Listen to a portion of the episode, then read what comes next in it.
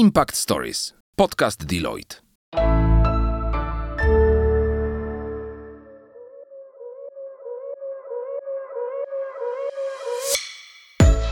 Cześć! Impact Stories powstało z myślą o studentach, którzy szukają inspiracji, chcą się rozwijać i poznawać świat biznesu od kuchni.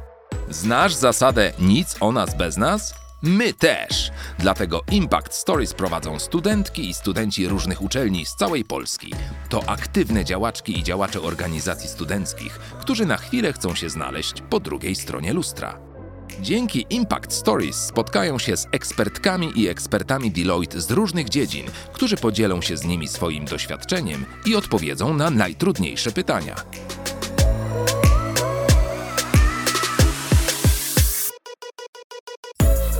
Dzisiejszym odcinku usłyszysz ambasadorów Deloitte. Aleksandrę Kudybę, studentkę Szkoły Głównej Handlowej w Warszawie, członkinię SKN Spraw Zagranicznych oraz Patryka Oborę, studenta Uniwersytetu Ekonomicznego w Krakowie, prezesa w Kole Naukowym Rozwoju Biznesu i członka Koła Naukowego Rachunkowości. Ekspertami, z którymi porozmawiają są Adam Pankowski, menadżer w dziale doradztwa finansowego oraz Jakub Zwoliński, associate w dziale doradztwa finansowego. W tym odcinku dowiesz się, na czym polega praca w dziale doradztwa finansowego, w tym jak wyglądają procesy fuzji i przejęć na rynku międzynarodowym. Poznasz zespoły oraz projekty transakcyjne z pierwszych stron gazet, w których biorą udział nasi pracownicy. Dowiesz się również, na jakie wsparcie może liczyć osoba rozpoczynająca swoją przygodę w tej branży oraz na późniejszym jej etapie. Posłuchaj Impact Stories. Jak to jest dokonywać transakcji z pierwszych stron gazet? Znaczy, no, wydaje mi się, że na pewno bardzo satysfakcjonujące jest to, kiedy wykonujemy jakiś projekt i potem możemy zobaczyć, że rzeczywiście udało się to przeprowadzić i w jaki sposób to medialnie potem e, jest pokazywane. Na pewno, no, wydaje mi się, że to jest zawsze takie poczucie osiągnięcia czegoś. No, to jest, wiecie, taki, takie wisienka na torcie po transakcji, która trwa często wiele miesięcy, na koniec jest sukces, wszyscy się cieszą, gdzieś to idzie szeroko w świat, także, także fajnie mieć taką nagrodę na koniec ciężkiej pracy. Czyli pracy w doradztwie finansowym byście opisali jako wisienki na torcie, adrenalina, ale też dużo powtarzalności, spokoju? Powtarzalność to nie jest słowo, którego ja bym użył. Wydaje mi się, że e, tak, zdarzają się procesy, które są w jakiś sposób zbliżone, czy bardzo często mogą być nawet nazwane tak samo, natomiast każda spółka, w związku z tym, że jest od siebie inna, no to siłą rzeczy wiąże się to z innymi wyzwaniami, z innymi, z innymi podejściami, innymi pomysłami na rozwiązanie pewnych e, przeciwności, które możemy napotkać w trakcie. No i też wiecie, w ramach doradztwa finansowego mamy różne zespoły, nie? więc jest zespół, tak jak Kuba robi raporty finansowe due diligence, które obejmują jakiś kawałek transakcji. Są zespoły modelowe, które tworzą model finansowy, też znowu pokrywają jakiś e, element transakcji, a są zespoły takie transakcyjne, M&A-owe, czy tak jak mój zespół, gdzie pozyskujemy finansowanie dłużne dla klientów, gdzie tak naprawdę rozpoczynamy interakcję z klientem od samej koncepcji projektu po jego finalizację na końcu, więc tak naprawdę proces jest bardzo duży. Z różnymi, gdzieś tam i koordynujemy różnych doradców, albo rozmawiamy z różnymi inwestorami, z różnymi bankami. Wiele elementów się zmienia w międzyczasie, także myślę, że powtarzalność nie. Oczywiście nabiera się jakieś wprawy i pewne rzeczy przychodzą z automatu, ale i tak jest duży taki element zmienności, który powoduje, że i zawsze transakcja jest inna, i spółka jest inna, branża jest inna, tak naprawdę te klocki cały czas się przesuwają. A jak długo trwają takie projekty?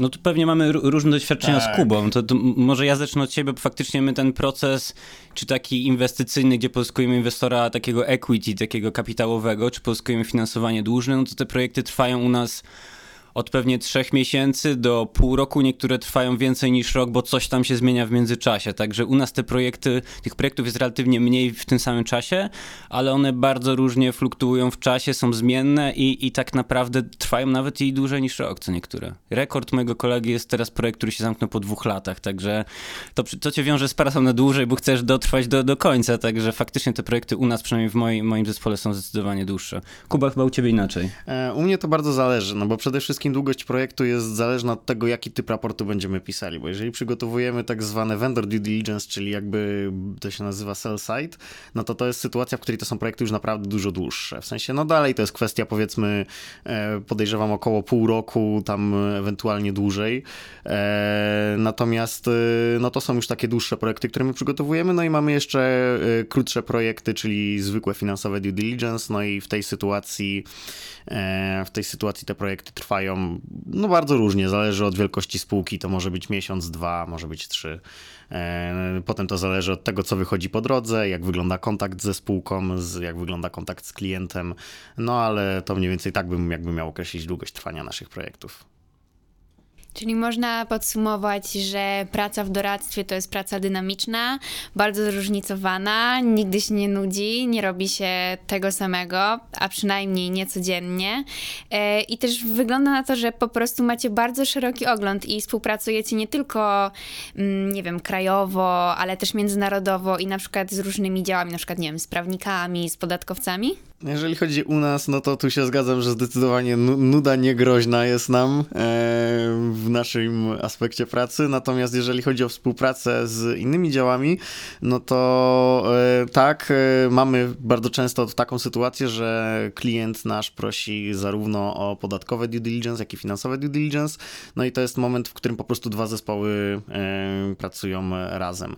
Takiej bezpośredniej interakcji jakoś bardzo dużo nie mamy, bo raporty z reguły wychodzą dwa osobne wtedy, osobny podatkowy i osobny, e, i osobny finansowy. Natomiast e, Natomiast no, jest tam jakieś, jakieś to zazębienie i często tam ktoś pisze z podatków do nas, czy my piszemy do podatków o jakiś tam aspekt, czy jakiś dokument. Z punktu widzenia studenta doradztwo finansowe wydaje się bardzo ciekawe, ponieważ e, no, można zauważyć, że właściwie polega one na łączeniu finansów z innymi dziedzinami. E, na przykład przez to, ile macie tych zespołów i to, jak są one różne, na przykład zespół, który zajmuje się doradztwem finansowym w zakresie energii odnawialnej, e, no jednocześnie jest to, są to finanse, natomiast ktoś, kto chciałby na przykład spełniać się i na przykład doprowadzać do, czy być częścią tej transformacji energetycznej w Polsce, no może na przykład spełnić się w takiej pracy. Więc ja chciałbym zapytać w takim razie, razie, czy doradztwo finansowe jest odpowiedzialne społecznie i może też e, w jakim zakresie? Ja myślę, że jest. To znaczy, no wiecie, my trochę pośredniczymy między klientami a, a finansującymi, czy to kupującymi. Jakby trochę łączymy strony ze sobą, więc jakby trochę jesteśmy tym przekaźnikiem na transakcjach. Więc jakby odpowiedzialność za to, oczywiście, żeby się to wydarzyło, to przede wszystkim, ale też odpowiedzialność, żeby to kierować w tą dobrą, że tak powiem, odpowiedzialną stronę też coraz jest istotniejsze. I tak jak w przypadku na przykład pozyskania finansowania, tym ja, czym się zajmuję de facto na co dzień przez większą część, część mojej pracy, no to ten element ESG, pozyskiwania finansowania, które jest zielone, jest rzeczą już nie tyle fajną z perspektywy PR-u czy misji, ale po prostu jest wymaganą prze, przez cały rynek, co motywuje jakby cały rynek do, do zmiany, więc z jednej strony oczywiście to, co wspomniałeś, są inwestycje takie wprost zielone, co, co każdemu przychodzi do głowy, czyli wbudowanie farmy wiatrowej, czy farmy paneli fotowoltaicznych, ale spółki czy kupują flotę samochodów elektrycznych.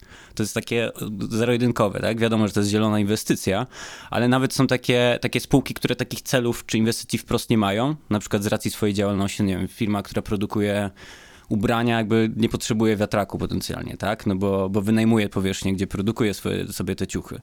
Natomiast nawet sobie ustala często KPI, takie wskaźniki, żeby dążyć do bycia bardziej zielonym trzymając się tego przykładu firmy, która produkuje ubrania, to na pewno kwestia na przykład nieużywania torebek plastikowych, tak? Albo żeby ten ciąg logistyczny był y, jakby organizowany przez elektryczne samochody, niespalinowe, więc to są takie KPI, które są dostosowane do branży, które pozwalają tej firmie faktycznie dążyć do tego, żeby być na koniec najbardziej zielona i też naszym jakby zadaniem jest, a żeby ustalić taką strategię, ustalić te KPI i jeszcze przekonać banki, że to jest coś, co warto wspierać i na koniec dnia już nawet nie, nie chodzi o samą ideę bycia bardziej zielonym, ale nawet firmy mogą pozyskać po pierwsze więcej kapitału, a po drugie tańszego kapitału, jeżeli pokażą i udowodnią, że na pewno chcą być bardziej odpowiedzialni i bardziej zieloni. No jeżeli chodzi o nasze aspekty, aspekty badanie właśnie due diligence, no to sytuacja wygląda w taki sposób, że też raczej e, jesteśmy tym elementem łączącym. E, natomiast bardzo często zdarzają nam się różne projekty właśnie na przykład na farmach wiatrowych, czy, czy na firmach zajmujących się fotowoltaiką. No i to są sytuacje, w których e, my też musimy trochę dostosować nasze podejście. Tam oczywiście możemy uwzględnić jakieś takie rzeczy w naszym, naszym, w naszych głównych punktach, w naszym raporcie, czy na przykład w jakichś dostosowaniach ich wyników finansowych, czy właśnie też w ustaleniu jakichś KPI. W związku z czym no tutaj mogę się podpisać pod, e, pod e, poprzednią wypowiedzią, że jak, w jakim stopniu tam o tą odpowiedzialność społeczną dbamy. Dobra, to mamy zespół OZE, ale jakie są jeszcze takie zespoły? Czy właśnie macie jakieś specjalizacje? Mówiłeś właśnie, że działacie w takich małych raczej zespołach. Razem jest was 80 osób. Jakie jeszcze właśnie są u was takie specjalizacje? Mhm, dobra. Nie, nawet, nawet łącznie licząc wszystkie biura ponad setka, bo jak byliśmy w zeszłym roku na, na wyjeździe integracyjnym, to chyba nas było tam około 120, więc mhm. i pewnie jest teraz więcej ale generalnie y, doradztwo finansowe u nas dzieli się na kilka takich nóg, kilka zespołów. Jeden zespół to jest zespół, który reprezentuje Kuba, czyli u nas się nazywa Transaction Services, czyli generalnie zespoły, które tworzą finansowe raporty due diligence. Jest zespół Valuation and Modeling, który robi takie skomplikowane, duże modele finansowe. E, jest zespół Corporate Finance, czyli taki M&A, który gdzieś tam zajmują się czy sprzedażą, czy kupną, czy kupnem firm i, i, i doradztwie przy tych procesach. E, jest też u nas zespół, który zajmuje się też M&A-ami czy corporate finance, ale tylko w zakresie e, infrastruktury, czyli de facto OZE, gdzie pośredniczą przy sprzedaży albo kupnie farm wiatrowych, czy, czy farm fotowoltaicznych, czy generalnie innej infrastruktury, ale głównie to jest OZE, co, co w chwili obecnej się dzieje na, na, na rynku w Polsce. No i ten zespół jeszcze mój, który, który ja rozwijam, czyli ten doradztwa dłużnego, czyli nie pozyskujemy equity, czy to z giełdy, czy, czy od private equity, tylko pozyskujemy finansowanie dłużne, czy od banków, czy od funduszy alternatywnych, czy od takich e, międzynarodowych inwestycji jak EBOR, PFR, BGK, więc, więc różne zespoły, które często gdzieś tam się prze, przeplatają, łączą, ale, ale każdy się zajmuje trochę czymś innym. I akurat nasz zespół nie jest, nasze zespoły nie są aż na tyle duże, żeby się bardzo specjalizować, więc oczywiście są jakieś specjalizacje, bo się kilka projektów podobnych przeprowadziło, więc wiecie, szybciej wejść w projekt, wiesz o co chodzi, łatwiej kumasz i, i szybciej działasz. Natomiast no, te zespoły są na tyle małe i na tyle dynamiczne, że często dostajemy zupełnie inne projekty, zupełnie inne spółki, żeby się rozwijać i żeby też jakaś zastępowalność była, także... To w takim razie można otrzymać praktyki w każdym dziale, czy na przykład w niektórych wymaga się jednak trochę większego doświadczenia? W każdym dziale mamy, mamy praktyki, natomiast no, to też nie jest tak, że na praktyki nie, niczego nie wymagamy. Też już e, trzeba mieć mimo wszystko jakąś e, podstawę merytoryczną. E, trzeba przede wszystkim być osobą komunikatywną i chętną do dalszej nauki. E, no, zawsze jest mile widziane wyższe wykształcenie związane z, z danym tematem. E, natomiast no, to też nie jest tak, że wymagamy, dajmy na to, pięciu lat doświadczenia w zawodzie, żeby przyjść na praktyki. No bo to by po prostu było nierealne. Ale, ale no, no tak, no, miejsce na praktykantów dla, dla studentów jak najbardziej jest. Więc wiecie, nie szukamy studentów drugiego roku z pięcioletnim doświadczeniem, więc to, to, to, to może być trudne. Nie, no, tak jak Kuba powiedział, no wiecie, trzeba być zaangażowanym, komunikatywnym i chcieć się uczyć. Oczywiście fajnie porobić jakieś praktyki w różnych miejscach, bo wtedy wiecie, szybciej wchodzisz, szybciej kumasz, szybciej zyskujesz też to, co chcemy, chcemy wam przekazać, ale no, od praktykantów wymagają przede wszystkim tego zaangażowania, nie? To jest też moment, kiedy możesz zmienić sobie działek, co ci się nie podoba, właśnie przejść do innego, zobaczyć. Także to jest jeszcze moment, żeby szukać też gdzieś tam tej swojej ścieżki, także wiecie, zapraszamy i, i, i swoje gdzieś tam miejsce, w, być może w innym zespole, ale, ale myślę, że można spokojnie znaleźć. Mhm.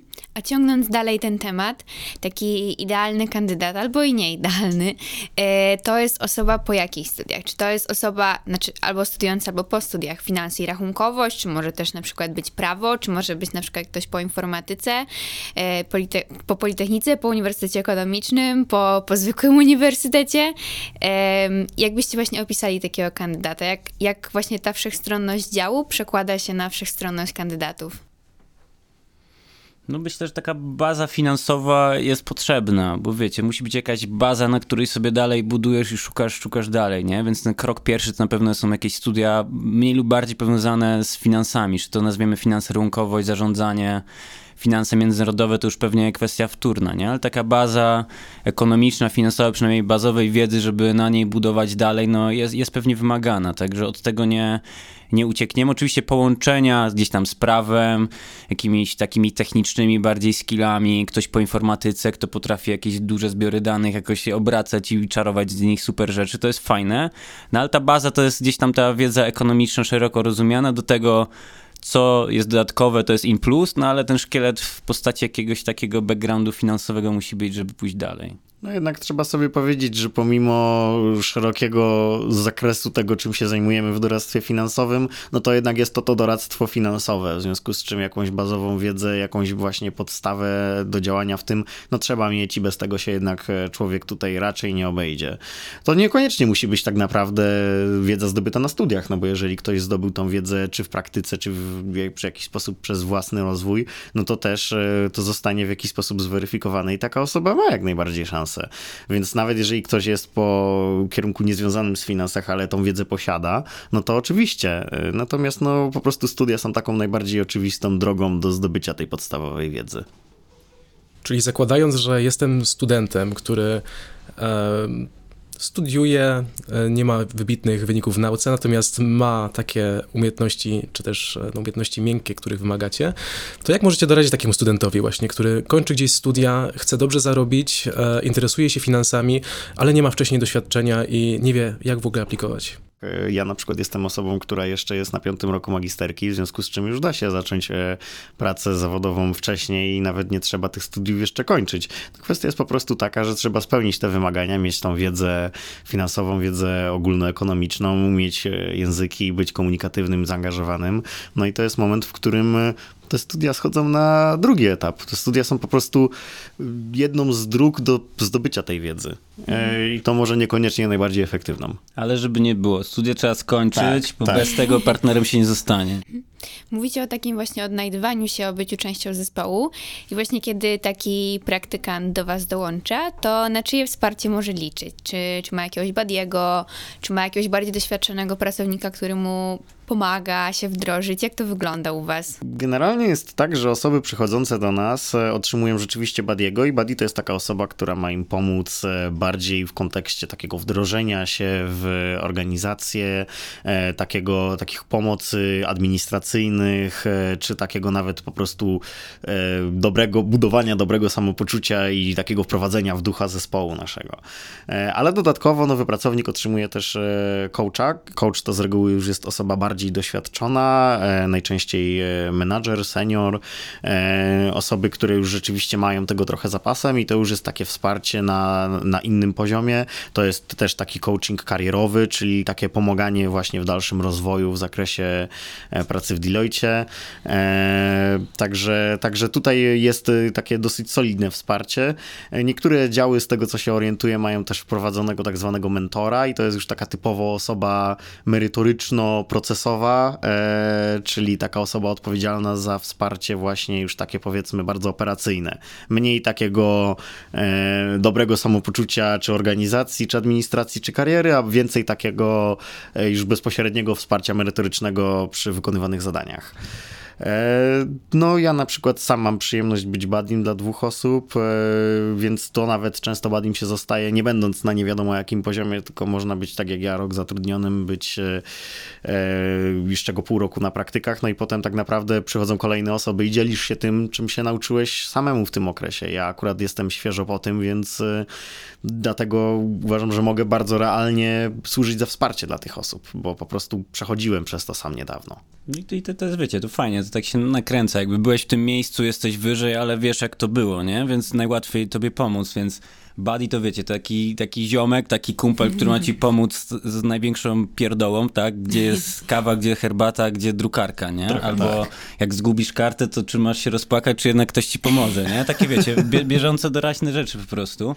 A, a career coach, no i, i ja powiedzmy już częściej nim jestem, no będąc gdzieś tam menadżerem, to bardziej jest pokazanie tej ścieżki, co możesz robić, co robisz fajnie, co możesz robić jeszcze lepiej, takie wiecie, trochę nakierowywanie i pokazywanie perspektyw, więc, ale sprowadza się do tego, czy Kuba, dla przykładu, przychodzisz Ola do nas, Kuba jest twoim buddy, ja jestem twoim coachem, jakby wszyscy ze sobą siedzimy y, i to nie jest tak, że tylko gadasz o drukarkę, pytasz tylko Kubę, a mnie pytasz o rady na przyszłość, nie? Tylko, że gdzieś tam wszyscy razem się wymieniamy i to nie jest tak nawet dyrektorzy, partnerzy, którzy oczywiście jakby odpowiadają za zupełnie inne rzeczy niż na przykład rekrutacja czy pomoc jakiemu, jakiemuś stażyście na początku, to i tak chętnie odpowiedzą na każde pytanie, więc po prostu trzeba pytać, nie ma głupich pytań, lepiej zapytać niż wiecie, błądzić i, i, i, i zrobić głupią rzecz, więc oczywiście są osoby przypisane, bo to wtedy masz takie pierwsze źródło kontaktu, do którego się zwracasz, no ale stanu wszyscy chcemy iść w górę i iść dalej, więc po prostu wiecie, do każdego można się zawsze odezwać. Nie? Tak, no trzeba pamiętać właśnie, że to jest jednak, mamy, mam wrażenie, bardzo taki dobry, silny duch zespołu i że to nie działa na takiej zasadzie, że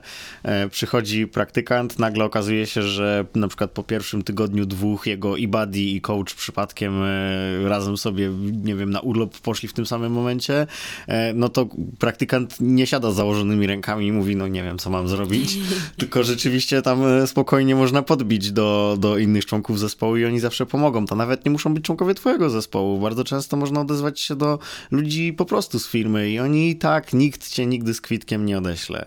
E, więc e, no tutaj pytać, pytać i pytać, bo pytanie to jedyna droga do zdobycia wiedzy. Może na waszym przykładzie, czy wasze oczekiwania przed podjęciem pracy pokryły się z rzeczywistością, czy może je przewyższyły? I zdecydowanie byłem bardzo pozytywnie zaskoczony tym, e, ile jest e, takiej ogólnej wiedzy biznesowej zawartej w tej pracy. W sensie przychodząc miałem zdecydowanie mniejszą świadomość na temat tego, czym się działy doradztwa finansowego zajmują. E, miałem tylko wcześniejsze doświadczenie z audytu finansowego i spodziewałem się, że to będzie mniej więcej to samo, że to będzie siedzenie w Excelku na liczbach i sprawdzanie, czy wszystko się zgadza. E, z jakimiś dodatkowymi elementami analizy, no bo w końcu doradztwo. Natomiast przychodząc tutaj tak naprawdę kilka z pierwszych zadań, które dostałem, miały bardzo sporadyczny stycz, bardzo sporadyczną styczność z jakimiś dogłębnymi analizami dużych dokumentów finansowych, a bardzo dużo było takiego działania ogólnobiznesowego, czyli takiego na przykład analizy e, działalności spółki, e, ich model biznesowy, e, struktury wewnętrzne spółki i opisanie tego wszystkiego normalnie w raporcie. Więc e, to na pewno jest rzeczą, którą bardzo pozytywnie mnie zaskoczyła w kontekście tego, co się spodziewałem w tej pracy. E, no właśnie to, że to nie jest e, to nie jest takie, takie twarde siedzenie i analizowanie czegoś, tylko rzeczywiście jest takie bigger picture, jest takie big picture, gdzie można szerzej spojrzeć na całą spółkę, no i tak naprawdę wynieść potem z tego fajne wnioski odnośnie całego rynku. No, tak. Ja, ja się zgodzę z Kubą. Ja miałem trochę inną perspektywę bycia. Przyszedłem od razu tutaj na, na menadżera, więc nie przechodziłem tej ścież, ścieżki oddolnej ale, ale faktycznie gdzieś tam mając doświadczenia czy z sektora bankowego, czy zaczynałem w ogóle w TFI Asset Management, więc różne rzeczy chciałem robić, a finalnie jestem tutaj i, i uważam, że jak ktoś jest taki dynamiczny, nie chce mieć ograniczeń, swobodę działania, różnorodność, to jest super miejsce, nie? I to jest super miejsce i od dołu, patrząc od praktykanta, asocjaty młodego czy menadżera w górę, więc to jest fajne. A patrząc na ten taki szerszy obraz już poza właśnie tą atmosferą w pracy i tak dalej, wydaje mi się, że to, co robicie, robicie to w Deloitte, czyli w Wielkiej Czwórce. Na zachodzie, czyli na przykład w Londynie, robią banki inwestycyjne. Tutaj jest to tak troszkę inaczej, robi to Big Four.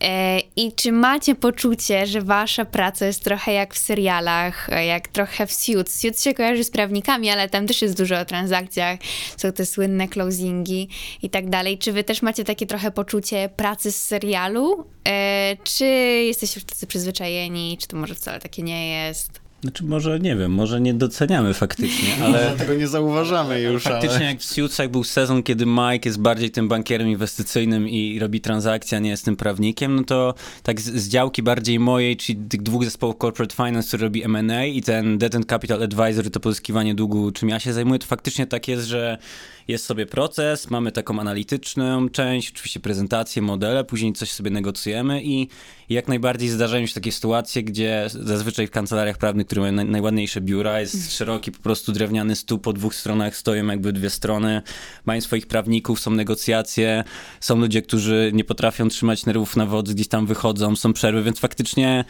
to, to tego można doświadczyć, to nie jest tylko ze Suitsów, czy tam gdzieś, wiecie, wy, wyciągnięte z innych, innych filmów czy seriali, to może, można tego doświadczyć, ale, ale wiecie, jakby konkludując i jakby film versus rzeczywistość, jest coś w tym, szczególnie te zespoły transakcyjne, gdzie my, no wiecie, zarabiamy i cieszymy się dopiero jak jest sukces, nie? Więc dopiero jak transakcja się podpisze, wypłaci po tym pół roku, są te closingi, jest closing party, gdzie, gdzie czasami jest, jest fajnie, ale to jest jakby ta wisienka. Te, a wcześniej to wszystko też się dzieje i takie negocjacje, takie filmowe sceny, to, to się dzieje, to się zdarza, nie? To, to nie jest takie totalnie oderwane od rzeczywistości na potrzeby filmu. Czyli można powiedzieć, że Doradztwo Finansowe jest to po prostu dobry film akcji z bardzo dobrym backstage'em. e, chciałbym... Jest to ciekawe porównanie, ale... ale, ale się sprawdza. Póki co poruszyliśmy e, jedynie temat rozwoju wewnątrz firmy, ale zastanawia mnie kwestia, jak to wygląda na zewnątrz, czyli na przykład, czy firma e, pomaga w finansowaniu na przykład różnych certyfikatów, czy różnych programów, w których można uczestniczyć? Tak, tak. E, na moją wiedzę zdecydowanie. No jedyne co, no to trzeba po prostu wybierać w takim zakresie, żeby to było w jakiś sposób spójne z wykonywaną pracą. Natomiast no jak najbardziej certyfikacje typu ACCA czy podejrzewam nawet CFA, no to bez problemu można zdobyć i firma w tym wspiera. E, czy to się robił poprzez studia podyplomowe, czy poprzez e, jakiegoś innego rodzaju kursy, no to, to tak, to jak najbardziej. Tak, zdecydowanie to, to jest prawda i, i wiecie, generalnie branża doradcza i w szczególności Deloitte jakby ma duże budżety na to, żeby móc się rozwijać w ramach firmy. To jedynym ograniczeniem jest tak naprawdę 24 godziny w dobie i czas swojej pracy, nie? Także i te rzeczy miękkie, jakieś szkolenia właśnie z asertywności, jakby z planowania sobie zadań, nie wiem, delegowania później, takie rzeczy to jest jakby i w ramach Deloitte'a i poza Deloitte'em dostępne. Twarde skille, jakieś szkolenia z modelowania finansowego, tego typu rzeczy też, też to istnieje I, i znowu i wewnątrz i na zewnątrz. E, nie wiem, wsparcie w językach obcych, żeby się podszkolić jeszcze poza samą pracą, to też jest jak najbardziej ok. Ja zresztą korzystam nawet, wiecie, cały czas z takiego lektora, z którym sobie raz w tygodniu siadam i sobie gadamy po angielsku, nie? Więc nawet na, na już po iluś latach będąc w pracy, to jakby nie zamyka ci drogę, żeby się dalej rozwijać. No i właśnie ACCA, CFA, akurat z CFA już gotowym przedem do pracy, ale chociażby płatność corocznego fee, które trzeba opłacać, żeby móc się tytułować tym CFA-em, też Deloitte, też Deloitte opłaca, także możliwości jest bardzo dużo i nie jest ograniczeniem ich brak, a, a bardziej czas, kiedy to wszystko wcisnąć, nie? Ale możliwości są.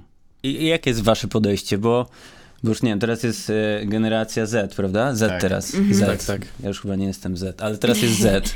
I gdzieś tam my często jak patrzymy i konkurując też o, wiecie, ciekawych, fajnych ludzi, to widzimy, że bardziej seksy jest pójście, nie wiem, w startup, nie? Do venture capital, albo nie wiem, zostać influencerem, nie lepiej w ogóle nie pracować, nie?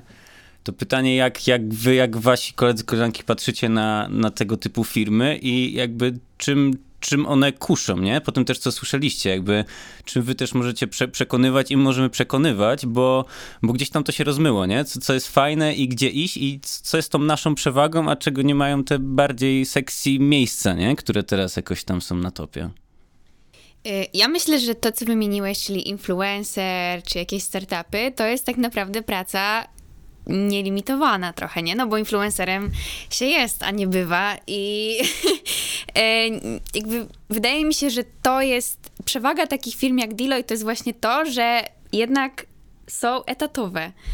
I myślę, że dużo młodych osób, ja przynajmniej takich znajomych, widzi zaletę w etacie taką, że oferuje dużą stabilność i oferuje, że właśnie nie żyje po to, żeby pracować, tylko pracy z jakimś elementem. Ja się mogę spełniać, robić super ciekawe projekty, ale jeszcze na przykład mam czas na jakieś swoje pasje, na inne rzeczy. E, I to praca daje mi zarówno materialne korzyści, czytaj pieniądze, żeby móc sobie spokojnie żyć, daje mi też właśnie wyzwania zawodowe, daje mi możliwości awansu. Jednak no, startupy są fajne, jeżeli się udają. Jednak myślę, że mm, z jednej strony nasze pokolenie się wydaje takie wow, hop do przodu, ale z drugiej strony myślę, że też dużo jest kryzysów i ciągle się dzieje coś i myślę, że też wiele osób z młodego pokolenia jest tym zmęczone i też mimo wszystko szuka jakiejś formy stabilności. A jakie jest właśnie takie postrzeganie takich dużych firm wśród e, aktualnych studentów? E, w sensie, czy dalej e, jest takie podejście, że Big Four, e, czy wszystkie inne tego typu duże firmy są, to jest prestiż, że to się wiąże z prestiżem, bo jest to duża firma, e, jest to potężna korporacja międzynarodowa, czy to dalej jest takie postrzeganie, że to jest wow? Czy nuda i siara. Dokładnie.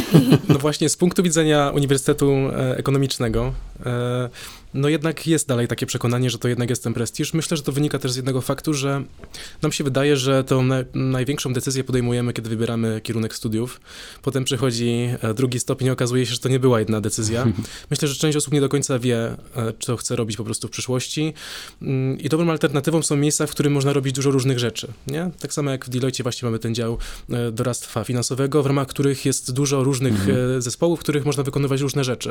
No oprócz tego doradztwa finansowego mamy również e, audyt, e, sferę podatków, prawa, dużo innych, których nie będę teraz wymieniał. Mm. Natomiast myślę, że bardzo atrakcyjne jest to, że dalej ten prestiż, przynajmniej u mnie tam na, na uczelni ekonomicznej, dalej pozostaje i dalej, jeżeli ktoś mówi, że na przykład zaczął praktyki czy staż w takiej firmie jak Deloitte, dalej kojarzy się to z takim dość dużym prestiżem. Jest to też również właśnie okazja do tego, żeby odkryć siebie, żeby odkryć to, co chce się robić w przyszłości, spróbować nowych rzeczy i myślę, że dalej, mimo że jesteśmy ten Gen Z i faktycznie tak jak wspomniałaś, e, jesteśmy zawsze tu hop do przodu i powinno być mnóstwo startupów, pomysłów. Myślę, że dużo osób jednak e, chce tej stabilizacji i Deloitte jest w stanie zapewnić mu tą stabilizację przy dużym rozwoju i jest to bardzo ładny wpis do CV też, jak chce się na przykład rozwijać w jakimś kierunku. No to dziękuję, że nas podbudowaliście. Dokładnie, czujemy Będzie się, dobrze. czujemy się dowartościowani. To nawiązując jeszcze do, do wcześniejszego tematu filmowego, tylko takiego, którego przekładamy teraz na rzeczywistość i staje się rzeczywistością, to czy e, wszelkie procesy, które wykonujecie, które związane są z tym, ile też czasu poświęcacie na pracę, e, czy wykonywane są przez technologię i czy istnieje prawdopodobieństwo, że sztuczna inteligencja kiedyś przejmie wasze obowiązki? Znaczy podejrzewam, że na pewno jakąś część tego y, można kiedyś będzie zautomatyzować. Na pewno jakieś tam elementy bardziej twórcze w tej pracy się znajdą, które w jakiś sposób można technologią e, zoptymalizować, rozwiązać i wykonywać szybciej. Natomiast generalnie my na tyle dużo mamy takiego wkładu ludzkiego, na tyle dużo mamy elementu, którego raczej nie da się zastąpić bezpośrednio rozwiązaniami e, sztucznej inteligencji, że wydaje mi się, że raczej, raczej pod tym względem bylibyśmy bezpieczni. No bo jednak jednak tu jest bardzo dużo takiego, e, jest dużo kreatywności. Wbrew temu, co się, co się myśli e, na temat, słyszy się finanse, myśli się Excel i kropka. E, I że 1 plus 1 równa się 2. Tutaj w efekcie okazuje się, że w trakcie naszej pracy można tak podejść do niektórych tematów, że 1 plus 1 równa się 5 i to też będzie miało sens. W związku z czym tutaj wydaje mi się, że są elementy, które raczej są bezpieczne przed wpływem wpływem e, sztucznej inteligencji, w sensie raczej jest to bezpieczne stanowisko, no po prostu może stać się prostsze w wykonywaniu. Tak, wiecie, raczej sztuczna inteligencja roboty nam nie zabierze, więc y, jak rozmawialiśmy a propos stabilności i jakiejś takiej dłuższej perspektywie, to, to chyba bym się o to nie bał. No bo na tyle jest takich miękkich interakcji międzyludzkich, że tego wiecie, nie póki co, zobaczymy jak dalej, ale póki co tego nie, nie wyłączymy, no bo za jakąś bardzo skomplikowaną technologię Microsoft Excel pewnie ciężko podpiąć, więc no wiecie, e- Excela, PowerPointa to obracamy w śnie, ale, ale część rzeczy możesz automatyzować, ale to na zasadzie trochę pomocy tobie, żeby nie tracić rzeczy na takie rzeczy powtarzalne. I to być może zautomatyzujemy i to powoli się dzieje, typu mamy jakieś wiecie, wkładki, które nam generują jakiś slajd, na przykład powtarzalny, nie? I to jest super, bo to nie zajmuje ci czasu, który musisz e, normalnie spędzić na to i zająć się inną rzeczą, albo skończyć na koniec robotę wcześniej. To też może być efekt technologii, ale ale raczej technologia jako taka gdzieś tam jest trochę z boku, jest dodatkiem, raczej nie wychodzi na plan pierwszy i raczej też roboty nam nie zabierze, więc to chyba Dokładnie. spokojnie. Raczej, raczej się nie przyjmujemy tym za bardzo, zresztą tak jak wspomniałeś. Rzeczywiście mamy sporo jakichś tam elementów, które nam automatyzują już teraz tą pracę, czy edycję formatu danych, czy jakieś tworzenie bardziej skomplikowanych wykresów za pomocą jednego przycisku we wstążkach, e, czy właśnie na przykład automatyczne generowanie slajdów, czy ich edytowanie. Także mamy elementy takie, które nam ułatwiają naszą pracę związane z technologią i podejrzewam, że tych elementów tylko będzie dochodzić. Niemniej, e, no rzeczywiście to jest ten, ten, ten, ten background, to jest wsparcie dla nas, a nie wyręczanie nas. Ale w tym kontekście tu zapomniałem o jednym naszym zespole, bo w ramach doradztwa finansowego mamy teraz taki zespół Data Analytics, nie? I to są ludzie, którzy są bardziej takimi kwantami po e, informatyce i gdzieś tam obrabiają wielkie zbiory danych, żeby z nich jakieś informacje tak syntetycznie pokazać ładnie, nie? Więc to jest faktycznie taki zespół mocniej technologiczny, który nas wspiera, ale to znowu bardziej wsparcie niż jakby zastępowanie e, człowieka czy nas w pracy, nie? Więc, więc to pomaga, ale nie zastępuje. To jeszcze w takim razie ostatnie pytanie. E, Jak wyglądała twoja rekrutacja?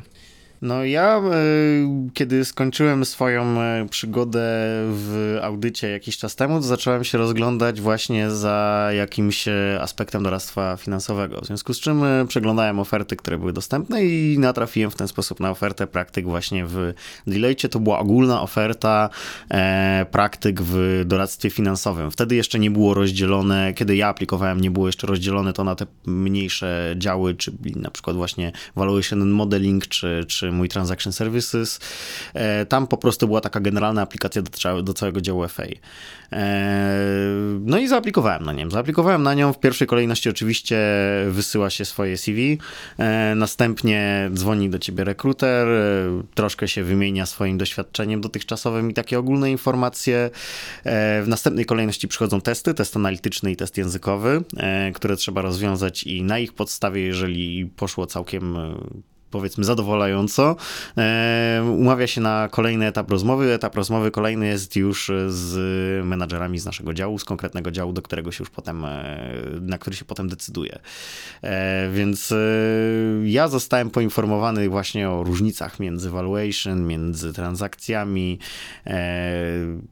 między CF-ami, e, no to to jest moment, w którym ja podjąłem decyzję, że, że pójdę do, do transakcji, że to jest to, co mnie interesuje bardziej. Co prawda na moim etapie wielkich różnic jeszcze nie widziałem między tymi działami, więc był to w dużej mierze ślepy strzał.